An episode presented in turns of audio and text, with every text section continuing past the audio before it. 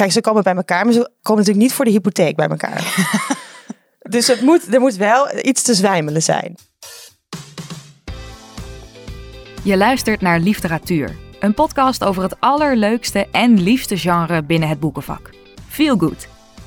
Mijn naam is Suzanne Musquet. Ik ben Feelgood auteur en ik praat elke aflevering met iemand die iets met Feelgood heeft. Want wat maakt dit genre nou zo leuk? Ik weet dat, jij weet dat misschien ook en mijn gast van deze aflevering weet dat zeker. Deze keer spreek ik met Lisanne Matthijssen. Lisanne Matthijssen! Hallo! Zo leuk dat je er bent. Dank je. Dank je wel. Welkom in de studio. Dat heb ik altijd al een keer willen zeggen. Uh, welkom. Ja, ik voel me echt een VIP nu. Nou, je bent ook gewoon een VIP. Yay. Dus dat uh, superleuk dat je er bent. Um, Dank je wel dat je eventjes gezellig met mij wil kletsen over Feel Good. Ik wil altijd kletsen over Feel Good. Ja? Wil jij altijd? Ik wil altijd kletsen eigenlijk. Überhaupt. Ja. Um, ik heb jou uitgenodigd omdat je senior acquirerend redacteur bent bij HarperCollins Holland. Je bent ook mijn redacteur. Toevallig. Je doet dit werk al 7,5 jaar. Bij HarperCollins wel. Bij, ja. Ja, en daarvoor ook nog wel langer op andere plekken. Dus je zit al veel langer ook al in het boekenvak. Dus als er iemand iets weet van boeken en dus ook van veel goed boeken, dan ben jij het. Ik hoop het. Nou, um, allereerst, hoe gaat het met je? Goed. Ja, we zijn uh, met uh, uitgeverij nu bezig aan de opbouw naar de Londen Book Fair. Oh. Dat is in april en dat heeft altijd een lange aanloop. En uh, in die aanloop wordt het steeds drukker en drukker en drukker met manuscripten. Met, met manuscripten die je dan daar vandaan zou halen? Of? Met buitenlandse manuscripten die ik uit het buitenland zou kunnen aankopen. Oh, spannend. Zit er dan uh, zitten er nu al dingen bij waarvan je denkt, die wil ik heel graag? Um, ik ben nu op dit moment op niks aan het bieden. Mm -hmm. Maar uh, ik kan me zomaar voorstellen dat dat vanmiddag of morgen anders is. Wat een spannend, elke, wat een elke spannend dag, werk heb elke jij. dag anders. Wat cool, wat leuk. En, en onder andere wat je dan dus, um, uh, wat jij doet in je werk is dus onder andere als redacteur begeleid je auteurs, onder andere dus ook mij. Um, ja, dus mijn, mijn functie heeft eigenlijk twee delen. Je hebt ja, het acquirerend. Wacht, wacht, wacht. Hoe ziet jouw werk eruit? Ja, je hebt het acquirerend gedeelte en het redacteurgedeelte. Acquirerend betekent dat ik nieuwe boeken en nieuwe auteurs probeer binnen te halen voor de uitgeverij. Um, en het redacteursgedeelte betekent dat ik Nederlandse auteurs die ik binnenhaal ook begeleid in het maken van hun boek. Oké, okay.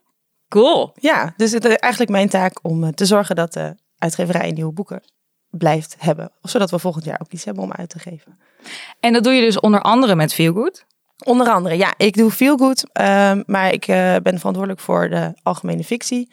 Dus ik doe ook uh, ja, echt van populaire fictie tot literaire fictie. Um, ik doe feelgood, ik doe uh, boekenclubbooks, ik doe um, toegankelijk literaire werken. Eigenlijk fictie in de breedste zin van het woord. Maar ik heb toevallig wel veel Nederlandse feelgood auteurs aan mij verbonden. Ja, dat is. De, hoe komt dat? Nee, daar gaan, we het zo, daar gaan we het zo over hebben. Maar je bent hier natuurlijk vandaag om het dus over feelgood te hebben. Yes. En ik wil jou even vragen wat je eigenlijk met Feelgood hebt. En daarvoor heb ik gevraagd aan jou of jij een ode aan de Feelgood wil schrijven. En daar heb ik een heel leuk... Uh, kijk, let op. Kom maar door. Een ode aan de Feelgood. Lekker, hè? Wauw. Ik uh, start de muziek voor je in en dan... Uh, take it away. Feelgood is zwijbelen, hopen, smachten lachen, huilen, genieten, even ontsnappen uit het echte leven en aan het einde loopt het ook nog goed af. What's not to like?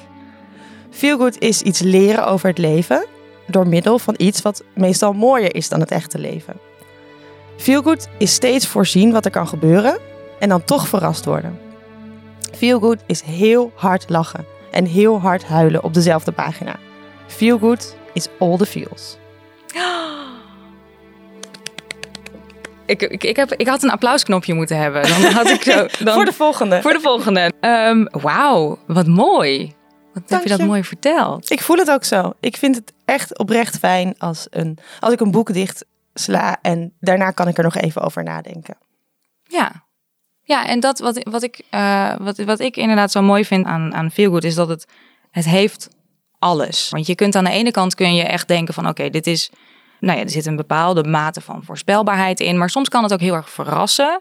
En het enige wat je weet is dat het goed afloopt.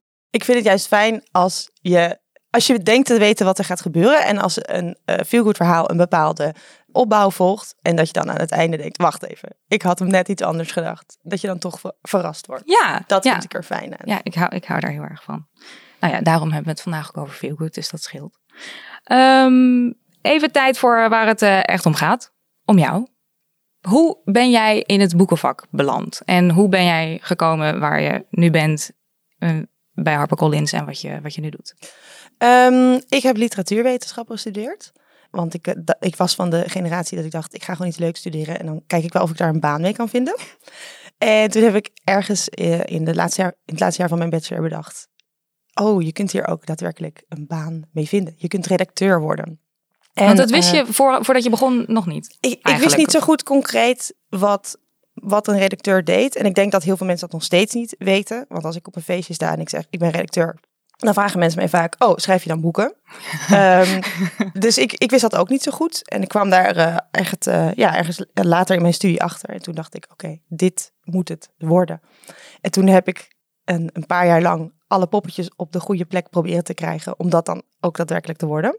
Oké. Maar ik ben afgestudeerd net na 2008, dus eh, financiële crisis. Er waren geen banen. Nee.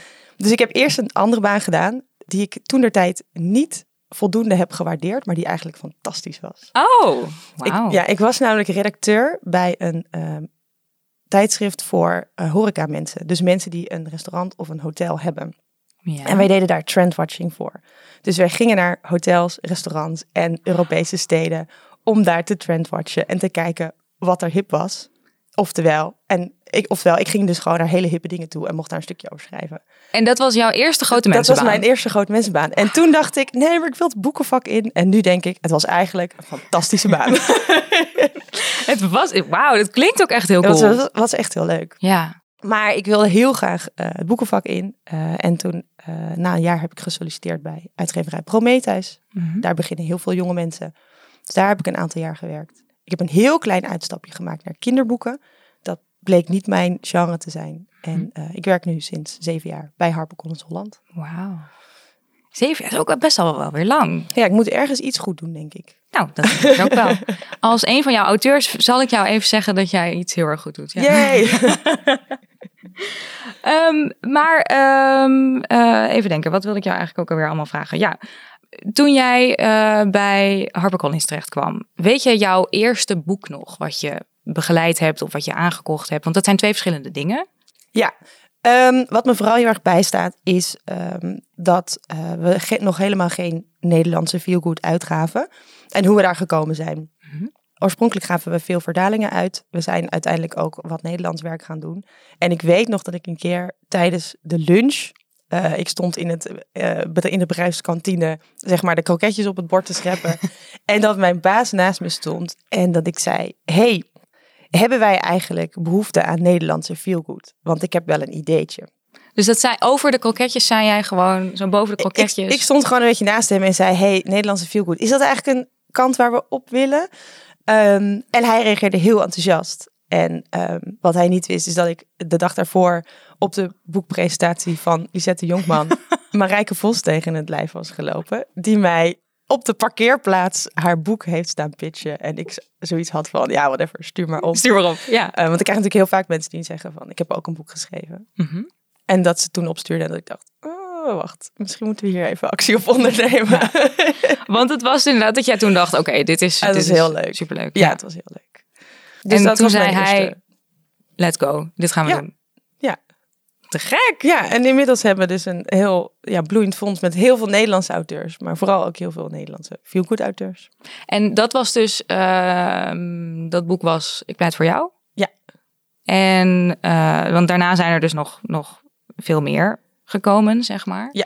Heeft, heeft dat boek dan ook een soort speciaal plekje in? Ja, natuurlijk. Ja? Ja, Nou, dat, dat is waarom ik me dit herinner. Ik herinner me het op zich natuurlijk van elke auteur hoe ik met ze in contact ben gekomen. Maar ehm, ja, dit was wel, omdat we een heel nieuwe fondslijn gingen openen, was Ja. dat wel bijzonder. En weet jij nog, ehm, eh, zijn er in de afgelopen jaren zijn er dingen veranderd binnen het boekenvak op het gebied van, ehm, Nou ja, sowieso is, is er natuurlijk de hele trend van digitaal lezen bijvoorbeeld.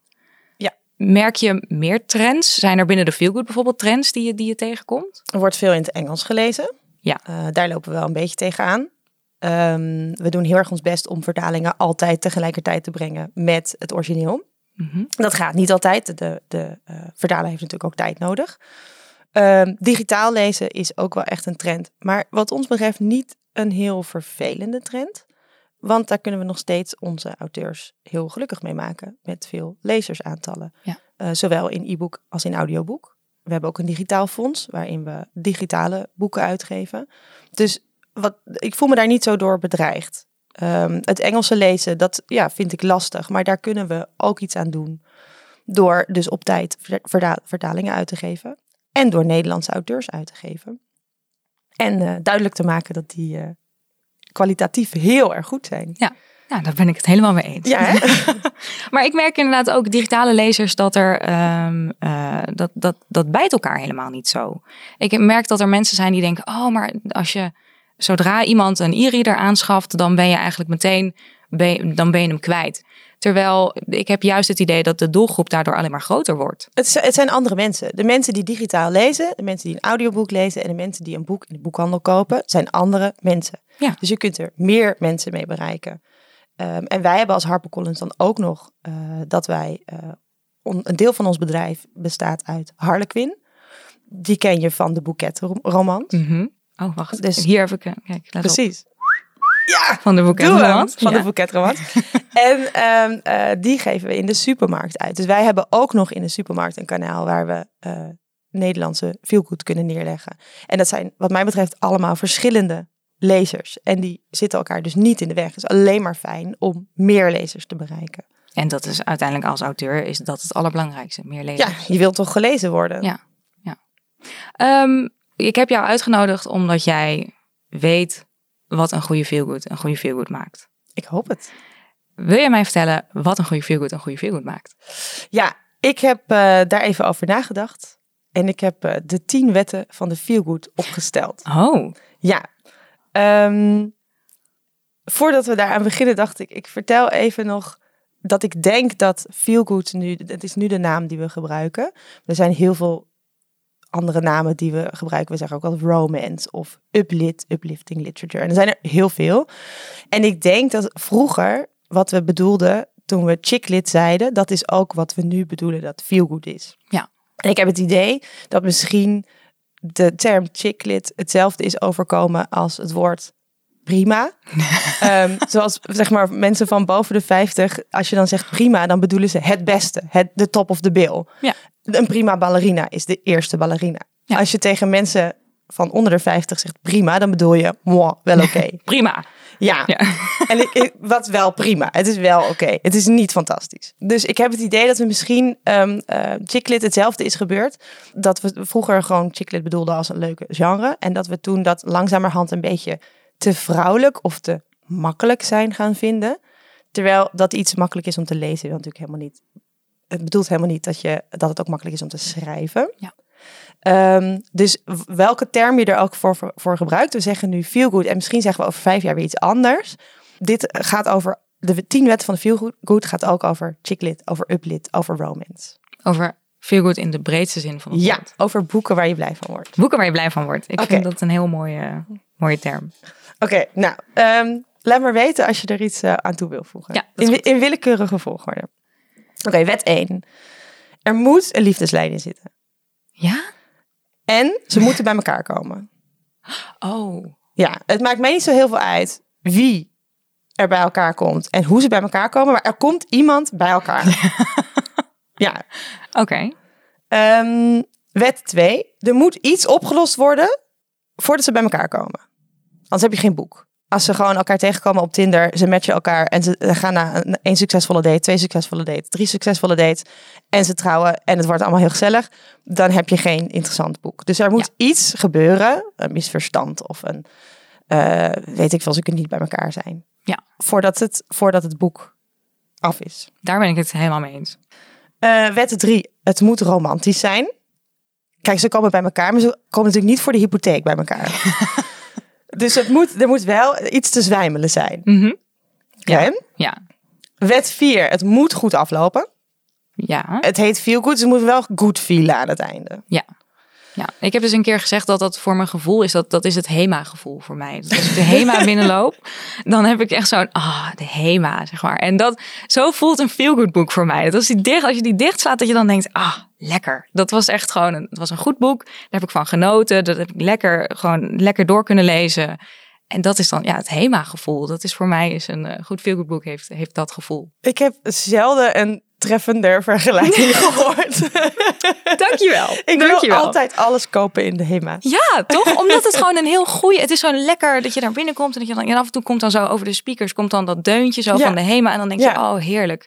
Ja, dat heb ik dus ook als ik dus een goed feelgood boek Ja, heb. ik snap dit helemaal.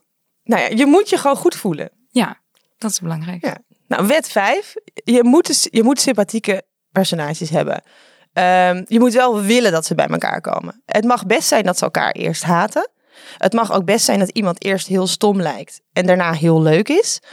Maar in essentie moeten het wel leuke en vriendelijke mensen zijn. Ja. Ehm, en eh, eh, qua personages, mijn observatie daarin is, er is eigenlijk ook altijd één heel weird bij personage dat eigenlijk een eigen spin-off zou moeten krijgen. Ja, ja. ja, maar dat is dan eigenlijk op de een of andere manier... Heel vaak worden dat ook je favoriete personages. Omdat Ja. ze iets, iets eigens hebben en iets, iets, iets bijzonders. En waar je dan een beetje, gewoon een beetje verliefd op wordt. Ja, het is geen wet, maar het is, hij is er wel de hele tijd. Ja, vind, ik- vind, Ja. ik, is het niet een wet? Ik vind het stiekem wel een beetje. Oké. Wet 5a. Ja. Oké, wet 6. Ehm, de emoties en de problemen die personages ervaren, moeten echt aanvoelen en herkenbaar zijn. Als iemand zijn grote droomwens is om een eh, koophuis te kopen. En eh, hij zeurt het hele boek dat hij slechts 3 miljoen heeft om dat, die wens te verwezenlijken.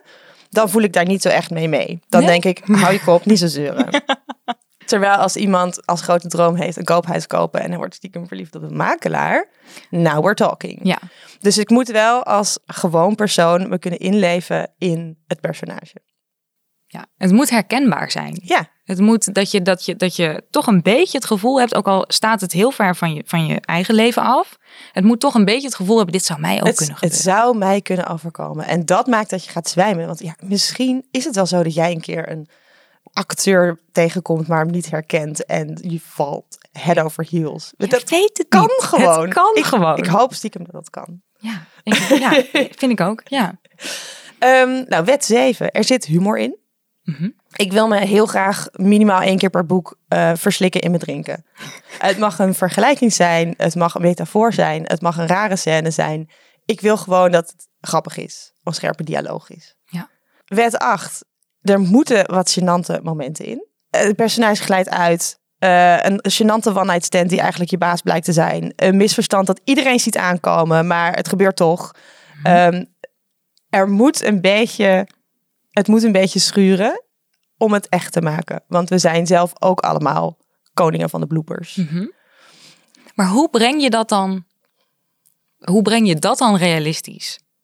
Ja, door dus heel dicht te blijven bij wat echt kan gebeuren. Ehm, en door je personages heel echt te maken met echte problemen en echte levens. En dan is het wel, eh, want er zit op een gegeven moment in, ehm, ik heb onlangs de Partycrasher gelezen van Sophie Kinsella. Daarin eh, blijft een vioolkoffer op de auto liggen. En dan rijden ze over de snelweg en dan moet zij half het raam uit om dus die vioolkoffer van, van, van het dak te halen. En op de een of andere manier is het dan toch ergens denk je, ja hoor. En ergens denk je ook, ja, mij zou dit ook wel kunnen gebeuren. Maar iedereen heeft toch een keer zijn telefoon boven op de auto laten liggen. Of het klepje, koffie. Het klepje van de, de benzinedop. eh, de, iedereen, of de koffie die je net gehaald hebt. Iedereen heeft dat een keer gedaan. Ja. En dan is het voor een verhaal wel mooi dat het inderdaad een vioolkoffer is. Wat veel waardevoller is. En het is een, op een grappige manier opgelost door niet de auto langs de kant te zetten en hem eraf te halen. Maar Ja. het rijden te proberen op te lossen. Maar dat is onderdeel van je verhaal. De situatie waar je in zit is heel herkenbaar voor mij. Ja. Oké, wet 9. Nummer 9. Het moet een mooie opbouw hebben. Er moet een ontwikkeling van het personage zijn. Hij moet op een of andere manier van A naar Z komen. Ehm, en er moet ook een ontwikkeling in de romance zijn. Het zou heel vreemd overkomen als twee persona- personages elkaar ontmoeten en ze liggen drie regels later met elkaar in bed. Daar moet iets van opbouw in zitten. Ze kijken elkaar aan, ze raken elkaar net niet aan, er broeit iets.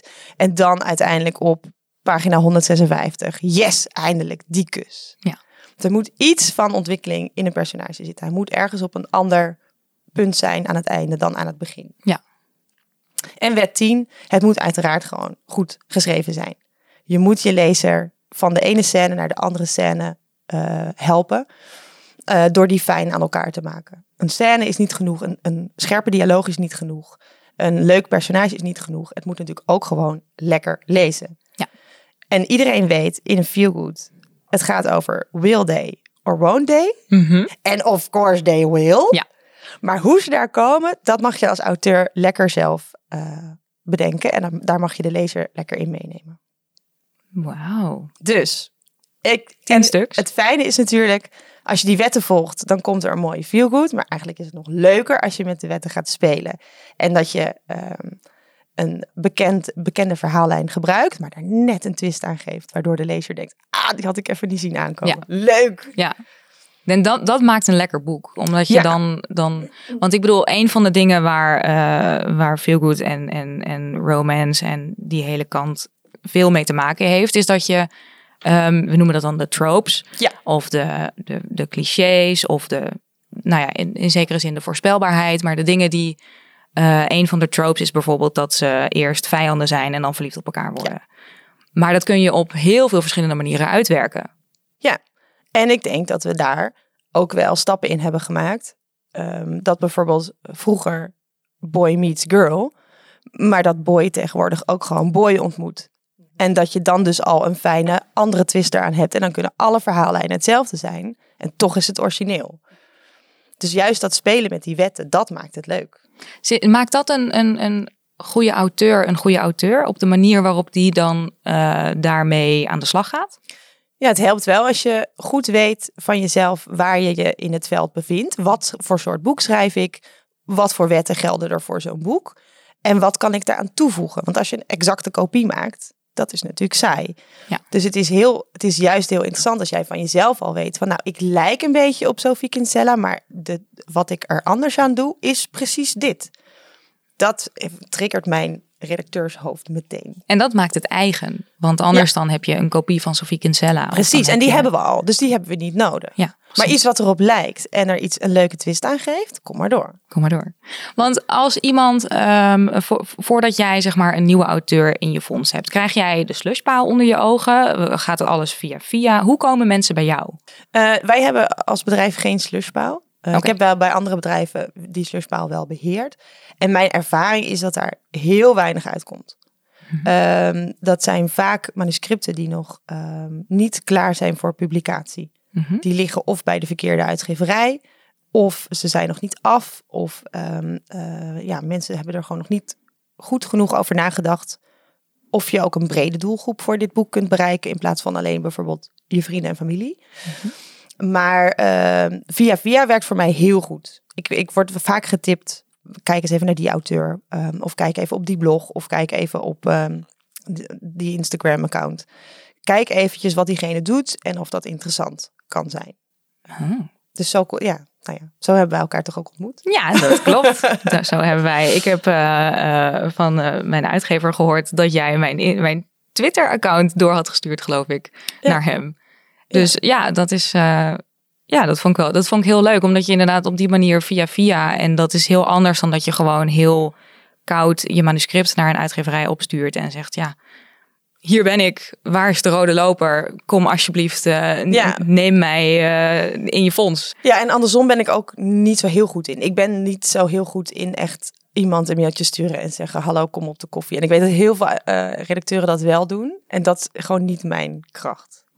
Heb jij tips voor mensen die nu aan hun eerste boek werken? Die, ehm, want ik heb het daar in de eerste aflevering bijvoorbeeld met, met Lisette over gehad. Mijn eerste boek, wat daar heb ik heel lang aan gewerkt. En toen dacht ik, nou, nu hij af. Dit is het. Dit wordt hem. Nou ja, waar is de rode loper? Maar eh, toen achteraf gezien had ik hem heel lang moeten laten liggen. En had ik er echt wel even over na moeten denken voordat ik dacht, ik ga hier helemaal, eh, ik stuur dit allemaal naar iedereen toe en dit, dit wordt hem. Dus heb jij, heb jij tips voor mensen die aan hun eerste boek werken? Ja, Uh, ik geef ook een publicatiecursus samen met een vriendin van mij bij het Schrijfcentrum.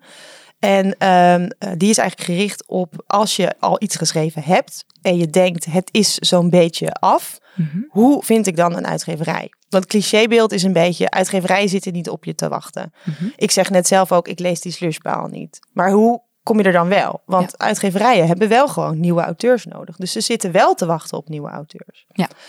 Ik denk dat als je een, uh, een feelgood hebt geschreven of een verhaal in het algemeen en je wil bij een uitgeverij uitgegeven worden, bedenk dan heel goed wat je schrijft en bij wie dat past. Het klinkt heel logisch, maar ik uh, heb echt wel eens bij een uitgeverij die geen thrillers uitgaf, een thriller in de slushpaal gevonden. En dat snap ik niet. Ik denk wat, dat, wat je dan gedaan hebt, is googelen op uitgeverij en dan gewoon alle adressen die je vindt, stuur je het manuscript op en kijken waar die blijft plakken. Ja. Maar wat ik, ik denk dat veel beter werkt, is heel goed bedenken bij wie zou ik passen. Wie, welke uitgeverij geeft boeken uit die een beetje op die van mij lijken. Welke uitgeverij uh, van welke uitgeverij heb ik heel veel boeken in de boekenkast staan. Die lees ik dus blijkbaar graag. En als je dan een twee of misschien drie uitgeverijen vindt en je schrijft een brief aan ze die toegespitst is op die uitgeverij, van nou, ik benader jullie, want ik zie in jullie fonds schrijver X, Y en Z en ik pas daarbij, dan, vind, dan heb je een veel sterker verhaal dan als je gewoon opstuurt, hier is mijn manuscript, veel plezier ermee. Ja. Dus bedenk heel goed bij wie je zou kunnen passen. Benader die op een op hen toegespitste manier. Uh, kijk ook of, of je alvast een, een acquirerend redacteur kunt, uh, kunt achterhalen. Uh, wij lopen heel vaak op literaire avonden rond. we zijn benaderbaar via social media. Kijk eventjes of je echt bij een uitgeverij zou passen en ga erop af. Zit jij daarop te wachten? Want aan de ene kant ja, want je hebt altijd, staat altijd ook voor nieuwe auteurs. Aan de andere kant, je hebt ook gewoon je werk wat je moet doen. Ja, maar ik, uh, de uitgeverij moet ook volgend jaar nieuwe boeken hebben. Dus ja, zit ik daarop te wachten. Ja. Uh, ik weet alleen ook al vaak heel snel of het iets is voor mij of niet. Mhm. Vaak al aan de mail die ik krijg, aan het genre dat het boek is, uh, of aan de eerste pagina van een boek. Um, dus ik zal alles wat ik binnenkrijg en waar mensen echt over na hebben gedacht. Dus als er niet staat, beste uitgeverij, ik stuur mijn manuscript, groetjes, doei dan denk ik vaak, ja, ik, ik denk niet dat ik hier iets mee kan. Maar als er echt staat, hallo Lisanne, ik benader jou, want, dan zal ik dat heel serieus bekijken. Ja, ik heb dus ooit een taart gestuurd naar een uitgeverij. En dat, uh, uh, ik zeg niet welke uitgeverij, want dat, dan wordt het een heel persoonlijk verhaal. Um, ik zeg niet dat iedereen nu taarten moet gaan sturen en zo, maar dat, uh, dat, dat, was voor mij iets waarvan ik dacht, ik denk dat dit wel bij mij past het in elk geval, om dat te doen. Ja want zo ben ik. En dat, nou ja, het werd in ieder geval, het werd heel leuk ontvangen. Er was geen plek en mijn manuscript was ook helemaal nog niet goed genoeg om daar wat mee te doen. Maar ik bleef wel hangen en dat, dat was anders dan dat je, uh, ja, dan dat je toch inderdaad gewoon algemeen info at, ja. hallo, dit is mijn... Uh... Ja, ik, ik, ik, denk dat je me ook wel zou opvallen met een taart. Je moet heel goed oppassen. Er zat een foto uh, op van mijn eigen hoofd. Echt waar? okay, misschien zou ik wel een beetje gelachen hebben. Ja, maar dat was het ook. Het was het ook. Ik was jong en naïef. En ik dacht gewoon, nou, als ik nou een taart stuur, dan komt het vast goed. En dat was ook, dat moet, je moet ook een goed manuscript hebben om erbij mee te sturen. Dat was ik even vergeten, zeg maar. Oh ja. Nou, ik, ik, je moet wel oppassen daarmee. Want ik heb dus wel eens op de slushpaal dingen gevonden waarvan ik echt dacht, ah, zo creepy. Um, ja, hele versierde multimappen met het manuscript erin. Um, ja, een soort verrassingsdozen waarvan je als je het open doet niet weet wat je gaat vinden. Dus ja, je moet wel ook bedenken, aan de andere kant van de lijn zit ook gewoon een mens. Ja. Ook gewoon een baan. Ja. Um, de taart vind ik dan nog redelijk onschuldig. Maar ik heb echt hele rare pakketjes in de post gehad hoor. Het en ik heb ook wel eens gehad dat mensen voor de deur stonden. En dat vind ik, om eerlijk te zijn, oh. best wel uh, grensoverschrijdend. Ja. Omdat ik niet weet of je een belmoordenaar bent of niet. Ja. En je hebt, want vroeger was het dan als je ging solliciteren en zo, dan zeiden mensen: je moet er achterna bellen en je moet vragen of ze je sollicitatie wel gehad hebben en of ze uh, of, ze, of ze al mensen hebben uitgenodigd en of er al wat mee gedaan wordt. En dat werd op een gegeven moment werd het ook wel gezegd over manuscripten. Van ja, je moet er ook nog even achteraan mailen of ze hem wel gehad hebben en zo. Ja, dat kan. Nee, ik zal altijd een ontvangstbevestiging sturen. Ja. Ik ben zelf niet fan van bellen, maar dat is gewoon omdat ik een millennial ben.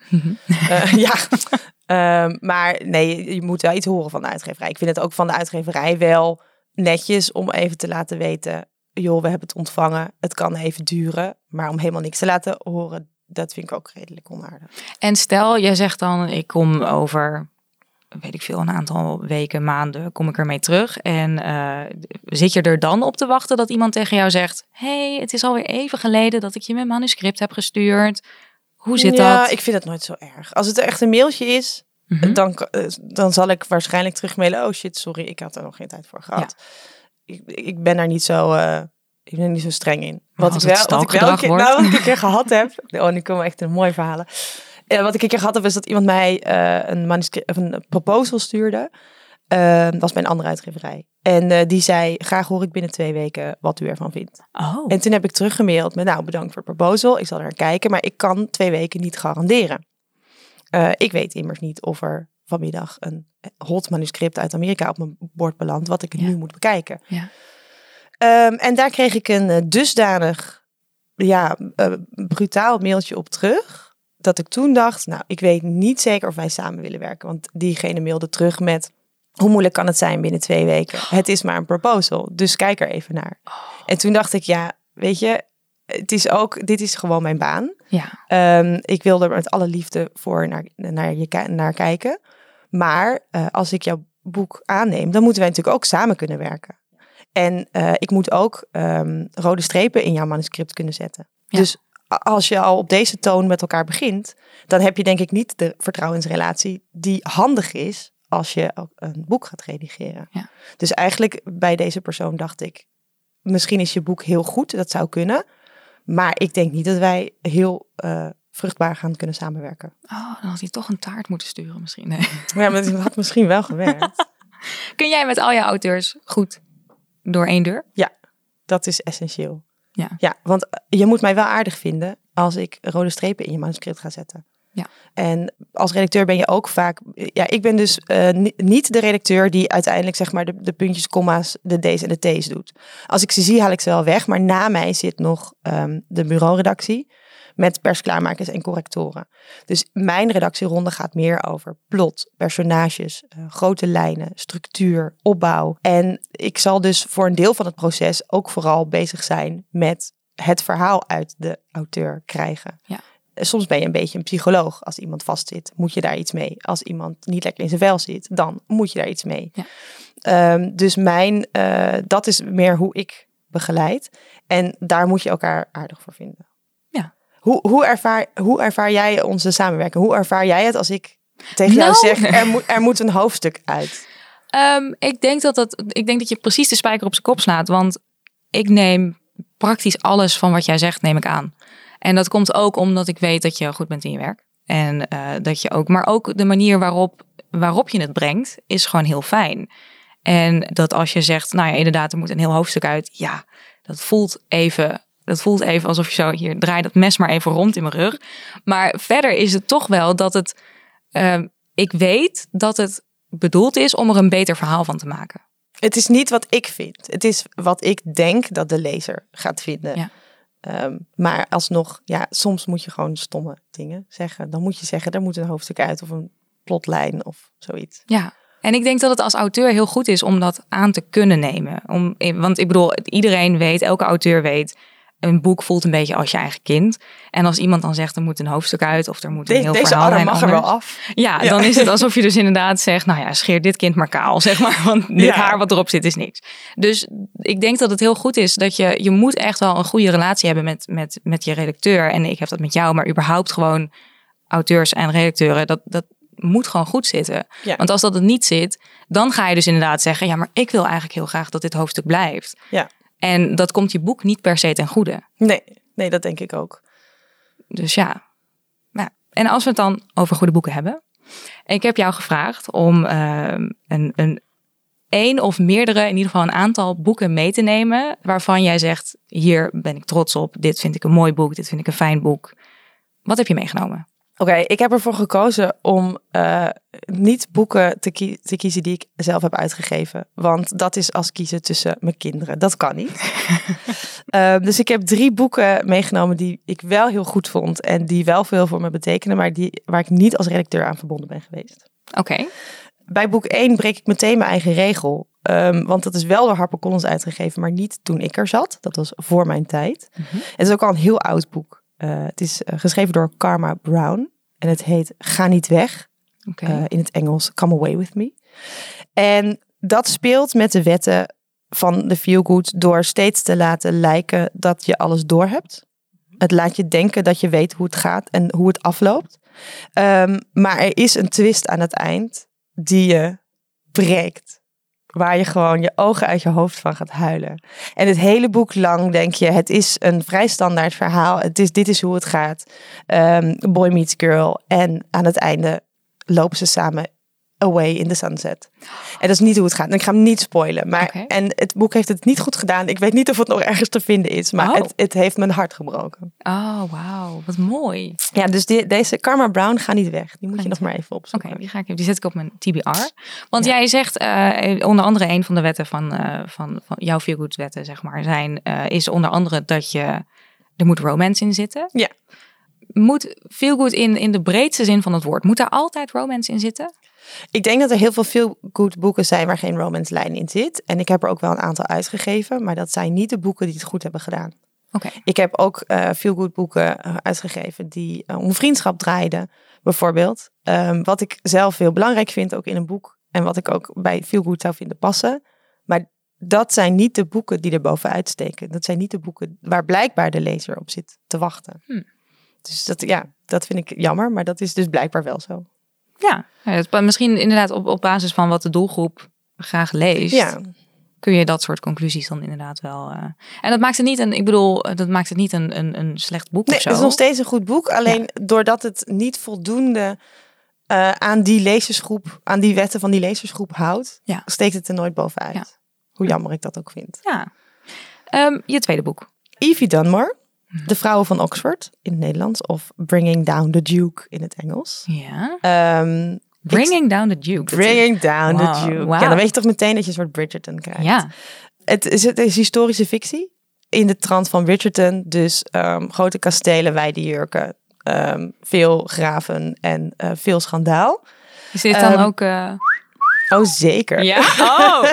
Maar met het verschil dat deze, de hoofdrolspeelster in dit boek ook wel zelf een hele sterke vrouw is. En zich niet eh, laat kisten door een eh, duke die eh, moet trouwen of zo. Mhm. Dus het is historisch goed onderbouwd. Het is heel grappig. Hele leuke personages. Het heeft een soort originele twist. Raakt aan de ehm, vrouwenbeweging in Engeland. Ik werd daar heel gelukkig van. Ja. En ik had het boek graag willen uitgeven, maar ik was niet zo gelukkig. helaas, helaas. Dus Som- you win some, you lose some. de vrouwen van Oxford. De vrouw van Oxford in het Oh, Nederlands. Ja. Oké. Zetten, we, zetten we erbij. Ik noteer hem even hier op mijn, eh, op mijn TBR. Mooi, fijn.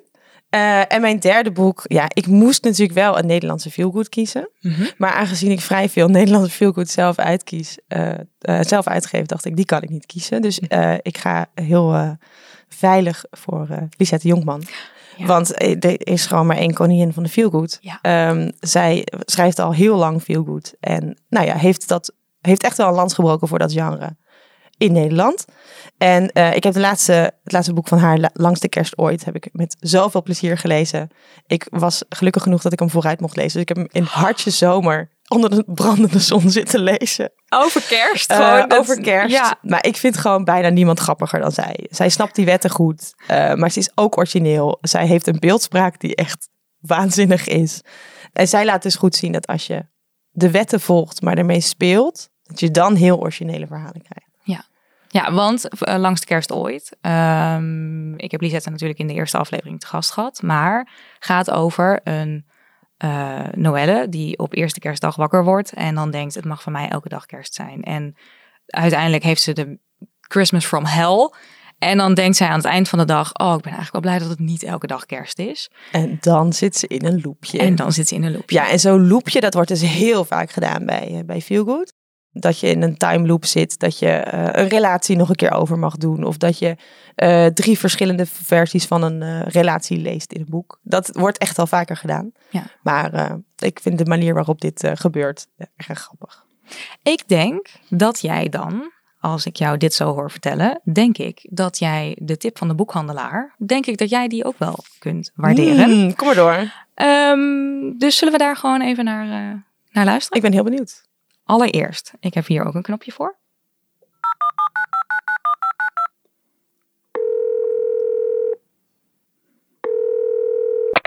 Een tip van de boekhandelaar. Ja, goed hè? Heerlijk. Eh, ik, eh, ik ga hem even instarten. De, deze tip komt van eh, Ellen van Boekhandel Voorhoeven in Hilversum. En ik was daar afgelopen jaar op mijn boektoer. En Boekhandel Voorhoeve heeft een warm plekje in mijn hart. Ze hebben niet voor niets afgelopen jaar ook Hilversumse onderneming van het jaar zijn ze geworden. En dat vind ik meer dan terecht. Want nou ja, als je ooit in Hilversum bent. Ja, leuk. Nou, ik woon er niet zo heel ver vandaan. Dus ik kan daar prima een keer gaan kijken. Absoluut. Zou ik, zou ik doen. ik ga hem instarten. Hoi Suzanne, hier Ellen van Boekhandel Voorhoeven uit Hilversum.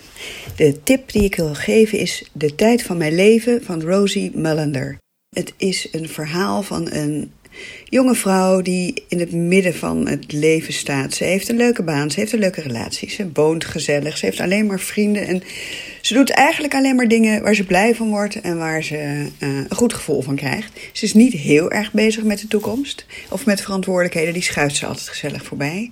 En dat kan natuurlijk niet goed gaan. Op een dag heeft ze een vreselijke vrijdag de dertiende. Ze raakt alles kwijt. De baan, de relatie, haar huis. Het allerergste is nog wel dat ze erachter komt dat ze haar beste vriendin in de steek heeft gelaten. Zonder dat ze dat wil natuurlijk. En dus als ze die avond naar bed gaat, hoopt ze alleen maar als ze wakker wordt dat ze dat allemaal recht kan gaan zetten. En dat het vanaf nu beter zal gaan. Helaas wordt ze wakker op dezelfde dag. Vrijdag de 13e blijft zich herhalen. Het is een bekend gegeven, maar het is toch ontzettend grappig en uh, nieuw gedaan in dit boek. Je blijft echt benieuwd naar hoe het af gaat lopen, waar ik natuurlijk niks over kan zeggen. Maar het is een oprecht feel-good boek, want alles gaat mis, maar alles komt natuurlijk op een of andere manier op zijn pootjes terecht. En uh, het is echt de moeite waard. Je wordt gewoon meegenomen in het vaart van het leven. Wat je allemaal kan overkomen als je een jonge vrouw bent en nog niet helemaal weet hoe en wat. Echt de moeite waard, leuk om te lezen. De tijd van mijn leven, Rosie Mullender. Ja, het is precies ook wat zij zegt. Hè? Een bekend gegeven, maar daar dan wel iets origineels mee doen. Ja. Dit klinkt heerlijk. Ja, toch? Ja, ik wil dit meteen lezen. Ja, De tijd van mijn leven van Rosie Mullender. Um, vrijdag de 13e, steeds opnieuw. Ja, ik... Kom maar door. Hij, uh, hij, we noteren hem uh, bij deze direct. Heb jij tijd om te lezen naast al het leeswerk wat je al moet doen van je eigen auteurs, van nieuwe auteurs. Lees jij überhaupt ja, verder nog? Ja, ja, gek genoeg wel. Als ik vrije tijd heb, dan pak ik dus ook gewoon een boek. Het is niet veel. Ik lees misschien een boek per maand of zo. Een, een paar boeken per jaar. Maar uh, dat zijn dan boeken die niet aan HarperCollins verbonden zijn. Ja. Die ik gewoon voor mezelf lees. En dan lees ik ook veel goed, maar ik lees ook hele serieuze non-fictie. Um, daar hou ik ook van. Ik lees ook literatuur. Ik, ik ben echt een, een alleslezer, maar ik lees niet heel veel. Ik lees wel elke dag even voor ik ga slapen. En lees jij ook gewoon, uh, want ik neem aan dat je ook onder werktijd leest, want dat is ook gewoon je werk. Ja, ja, ik, uh, een deel van mijn uh, werktijd bestaat uit lezen, maar een deel van mijn leestijd bestaat ook uit werken. Ik pak ook vaak uh, s s'avonds na het eten nog even een manuscript erbij omdat ik het de volgende dag uit moet hebben. Of mhm. omdat ik er even moet weten wat het is. Ja. Nou, het, klinkt, het loopt een beetje in elkaar over. Het klinkt, ik wil zeggen, het klinkt wel, want mensen hebben dan altijd zoiets van: oh ja, maar als redacteur dan mag je de hele dag zit je, zit je boeken te lezen en dan, maar je moet er ook wat van vinden. Lezen en koffie drinken met auteurs, dat is eigenlijk mijn baan. En podcast opnemen en af en toe. Blijkbaar. Nou, dit is toch gewoon, jij hebt echt een topbaan. Dat is toch fantastisch? Dat sowieso. Ik zou niet anders willen. Nou, dat vind ik een perfecte afsluiter. Ik, um, ja, want we zijn inmiddels aan het einde gekomen van de, van de aflevering. Um, dankjewel dat je er was. Bedankt dat je me wilde hebben. Ja, heel graag gedaan. Um, Ellen, dankjewel voor je, uh, voor je tip. Alle luisteraars, bedankt voor het luisteren. In de volgende aflevering spreek ik met Iris Visser over tropes en clichés. Die is ook leuk. Ja, hè? ja, heb ik heel veel zin in. En um, ja, literatuur is te volgen op Instagram. Uh, ik ben te volgen op Instagram. Mogen mensen jou ook volgen op Instagram? Heel graag, ja. Ik heet Lili Sanne. Lili Sanne. Ja, L-Y en dan Lisanne zoals je normaal gesproken zou schrijven. Zoals... Tonaals. Ik heb echt heel lang geleden een Instagram-account aangemaakt. Nou ja, Lili Sanne. Mij kun je volgen op Suzanne en dus inderdaad het literatuur. Um, Lisanne, nogmaals bedankt dat je er was. En um, ja, sinds de eerste aflevering heb ik dus een afsluiter. Lisette heeft mij geleerd dat ik moet afsluiten met veel liefs. Prachtig. Goed hè? Dus dat doen we dan ook. Um, ja, tot de volgende. Veel liefs. Doei.